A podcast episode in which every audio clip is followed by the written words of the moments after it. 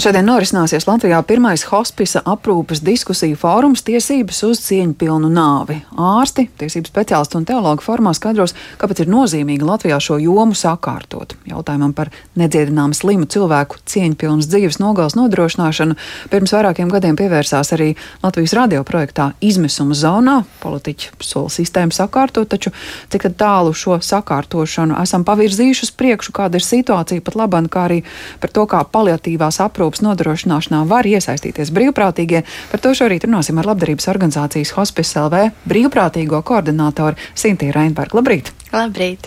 Jā, nu kā jau minēja Arta, Latvijas radio projekts izmisuma zonā norisinājās, un tā laikā politiķi nu, solīja sistēmu sakārtot, atrisināt nepilnības. Kopš šiem solījumiem ir pagājuši vairāk nekā trīs gadi. Nu, ja mēs atskatāmies uz šo periodu un salīdzinām ar brīdi šobrīd, ir mainījies kaut kas.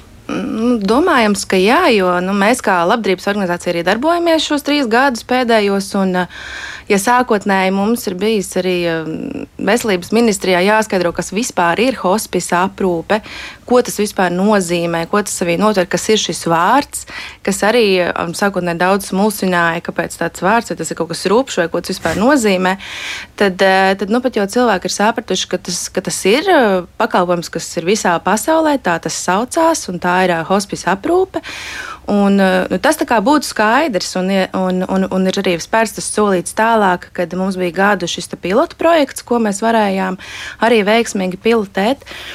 Un, uh, tas noslēdzās ar šī gada sākumu, un uh, tad uh, to turpina. Cits pakalpojums sniedzējs šobrīd tas atkal ir pilota projekts.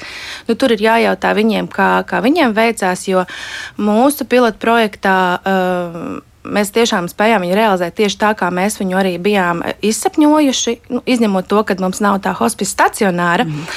bet eh, tā aprūpe mājās tiešām tika mm, sniegta tā, kā mēs viņu vēlējāmies, kad eh, bija gan eh, gan medicīniskie aspekti nodrošināti cilvēkam.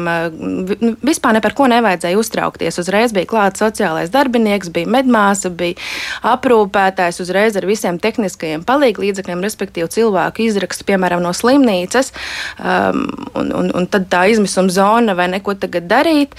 Uh, tad, tad mēs bijām klāt kā tāda ātrā palīdzība Un um, ļoti ātrā veidā teiksim, centāmies, um, cik vien spēka, visus šos momentus uh, arī atrisināt un, un saņēmām daudzus labus gan atsauksmes, gan arī pat godalgas.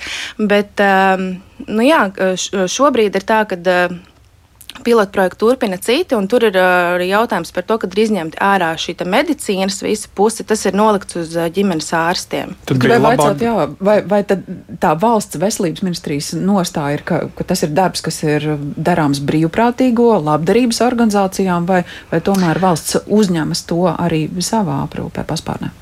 Nu, lai, lai mēs varētu vispār šo pilotu projektu veikt, mēs izveidojām atsevišķu sociālo uzņēmumu, kas saucās Hospice Māja. Mēs to nevarējām veikt kā labdarības organizācija. Kā, un to arī pilnībā finansēja uh, no valsts, uh, no valsts kā, budžeta līdzekļiem. Uh, mēs kā brīvprātīgie, kā labdarības organizācija, ejam uz slimnīcām un, un, un kā brīvprātīgie veicam vis, visus iespējamos labos darbiņus, ko mēs arī varējām veikt, eh, palīdzēt tiem pašiem cilvēkiem, kas, eh, kas mira mūsu aprūpē, piepildīt kādas vēlēšanās. Eh, tika iesaistīti dažādi brīvprātīgi arī, kas ir dažādi terapeiti un, un varēja muzicēt un dažādos veidos. Viss vis tas priecīgais bija uz mūsu pleciem, un tad visas tās īstās rūpes jau veids, protams, ka profesionāli. Bet, ja mēs skatāmies šo palīdzīvās aprūpes sistēmu, nu, protams, viena lieta, kas noteikti trūkst, varbūt ir šī hospice pati ēka un, un Jā. šis viss, kas tur notiek. Bet varbūt, ja mēs vēl skatāmies plašāk, jūs varētu minēt kaut kādas galvenās lietas, galvenās problēmas, kas mums ir jāsakārto. Nu, pirmkārt, jau vispār šī hospice aprūpe šobrīd nav Latvijā. Tikai tie pilotu projekti. Tā jau, tā jau ir tā pirmā un galvenā problēma, kad cilvēkiem nav tās palīdzības. Ir uh, tikai tādi, nu, kādam atsevišķiem cilvēkiem ir ticis nodrošināts. Un, uh, tas ir tas, uh, tas skumjais, kad. Uh, Un, mēs paspēram vienu solīti uz priekšu, divus solīšus atpakaļ. Tas process ir nu, ļoti ilgs, un, un cilvēkiem jau tā palīdzība vajadzīga tagad. Cilvēki arī mums zvana un stāsta un dalās ar tiem saviem cilvēku stāstiem un, un, un tiem, ta, ar, ar to, kas notiek tagad. Un, nu, protams, ka šis process redzams, ka tas aizņems ilgu laiku, bet mēs ticam, ka hospice aprūpe Latvijā būs. Un, un mēs turēsim rokas pulsi, lai to nesavilkt kopā ar sociālo aprūpi, kas mums ir tās bažas šobrīd. Mm kad, kad, kad mēģina noņemt to, to medicīnisko pusi un arī tos aprūpētājus, kad varbūt nevajag visu dienu, kad varbūt pietiek, kad ieskrien. Kā tāda sociāla aprūpe? Jā, jā, jā. Tā kā parasti varbūt tās, nu, kas, kas zina, ka tur cilvēkiem, kam vajadzīga tā aprūpe, viņiem tur trīs reizes dienā, ja ir nepieciešams palīdz tur apmazgāties, iet, atnes pāriest un aizskrien prom, izmazgāt tur grīdu. Tā Bet, nav galīgi nav sociāla aprūpe, nav tas kas hospice. Hospice nu, aprūpe pavisam, pavisam kaut kas. Šodien tad arī notiks tā diskusija tiesības uz cieņu cieņpilnu nāvi. Kas ir tie jautājumi, kam grasāties pievērst uzmanību, kāpēc šodien šī diskusija ir nepieciešama?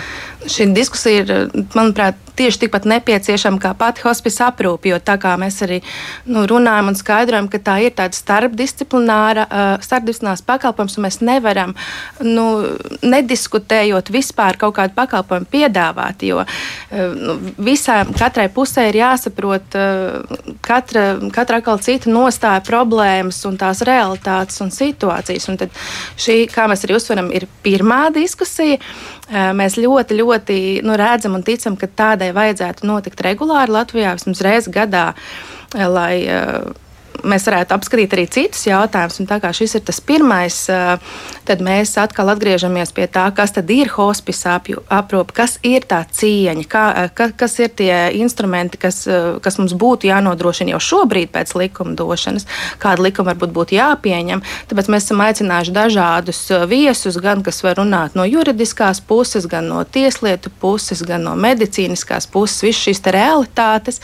Un arī pašu mums būs arī mūsu pacientes um, me, meitas uh, stāsts, kā, kā viņi piedzīvoja to pakalpojumu, kādi bija tie viņas trūkumi un kā, ko, kādi iegūmi tad, kad viņi šo pakalpojumu saņēma. Tā kā mēs centīsimies no visām pusēm arī apskatīties. Uh, Um, uz, uz to, ko, ko mēs varam darīt un kas šobrīd ir izdarīts. Un, mm -hmm. Tā. Tad veicināt izpratni un arī Jā. tāds īsts pieredzes stāsts, bet mēs jau arī sākumā pieteicām, kā labdarības organizācijas hospice LV brīvprātīgo koordinātori varbūt tad nu, vēlos vaicāt, kas tad ir um, tas, ko var darīt brīvprātīgie, kāda ir tā viņu loma šajā sistēmā un vispār cik daudz jums ir šo koordinējumu? Jā, nu, atkal zin, jāsalīdzina. Pa, pasaulē hospice um, Eiropā ir visur. Un, um, brīvprātīgie patiesībā izdara lielāko daļu darbiņu un darbu. Uh, tas nav tikai uz valsts uh, pleciem, tas ir, tas ir mūsu visu jautājums. Un, um, Katram, katram cilvēkam ir iespēja, vajadzētu būt tādai iespējai iesaistīties. Un, eh, manuprāt, ir nu, brīnišķīga atsaucība arī. Mums ir eh, vienkārši fantastiski, superīgi brīvprātīgie, gan kas iet uz slimnīcām, gan kas ir gatavi ar kaut kādu savu profesionālo pienesumu veltīt kaut kādas savas darba stundas. Un arī šodien fórumā mums būs 13 brīvprātīgie, un visus šos mazos darbiņus neredzamos darām mēs paši. Un, un vēl vairāk patiesībā arī visi mm, lektori, kas piedalās, arī viņi jau nāk kā brīvprātīgie. Eh, mēs ar to jūtamies ārkārtīgi pagodināti, kad eh, šie elitārie vai ne cilvēki, viņi gatavi nākt un pat pārbīdīt savus plānus. Tā skaitā mūsu valsts eh, prezidenta kundze Andra Levita būs un būs arī Maltas prezidenta dzīvesbiedra, kas ir kā hospisa patronese Maltā un dalīsies ar savu pieredzi. Un, mēs esam tiešām ļoti, ļoti pagodināti. Mums neviens nav bijis jāpārliecina, jāpierunā tieši otrādi cilvēki paši cenšas iesaistīties, un, un, un arī nav nekāds teiksim, finansējums vai tam līdzīgi. Šim pasākumam visu, visu paši mēs, mēs paši patiesībā visu darām, visas kafijas, tēņas, viss ir saziedots, iesaistās gan uh, ziedu pārdevēji, gan eh, kafijas pārdevēji. Tas patiesībā jau šobrīd ir ļoti, ļoti nu, skaisti tas, ko mēs varam iedot. Un vienkārši cenšamies eh, to, to ceļu izsist, lai mēs varētu darīt vēl vairāk un patiesi nu, palīdzēt. No sirds vēlam, lai izdodas. Paldies. Gan šīs dienas fórums. Viss nav jādara pašiem, bet varbūt arī ir kāds atbalsts. Lielāks. Jā. Jā. Sarunājāmies ar labdarības organizācijas hospitāla vai brīvprātīgo koordinātoru Sintiju Reinbergu, zinot, ka šodien īpaša diskusija fórums tiesības uz cieņpilnu nāvi.